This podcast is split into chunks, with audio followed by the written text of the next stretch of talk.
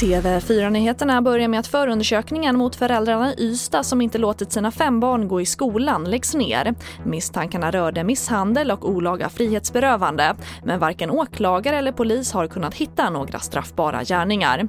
Och de fyra barnen som var under 18 år omhändertogs av socialtjänsten på grund av omsorgsbrister. Och sen till terrorattacken i Nice där poliserna gripit en misstänkt medhjälpare enligt tidningen Nice Matin sent igår kväll. Det är en 47-årig man som misstänks ha haft kontakt med den misstänkte gärningsmannen dagen före attacken.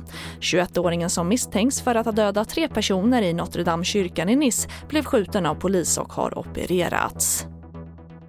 Och priset på bensin och diesel behöver höjas ytterligare för att Sverige ska nå klimatmålet för transportsektorn enligt uppgifter från Trafikverket som SR tittat på.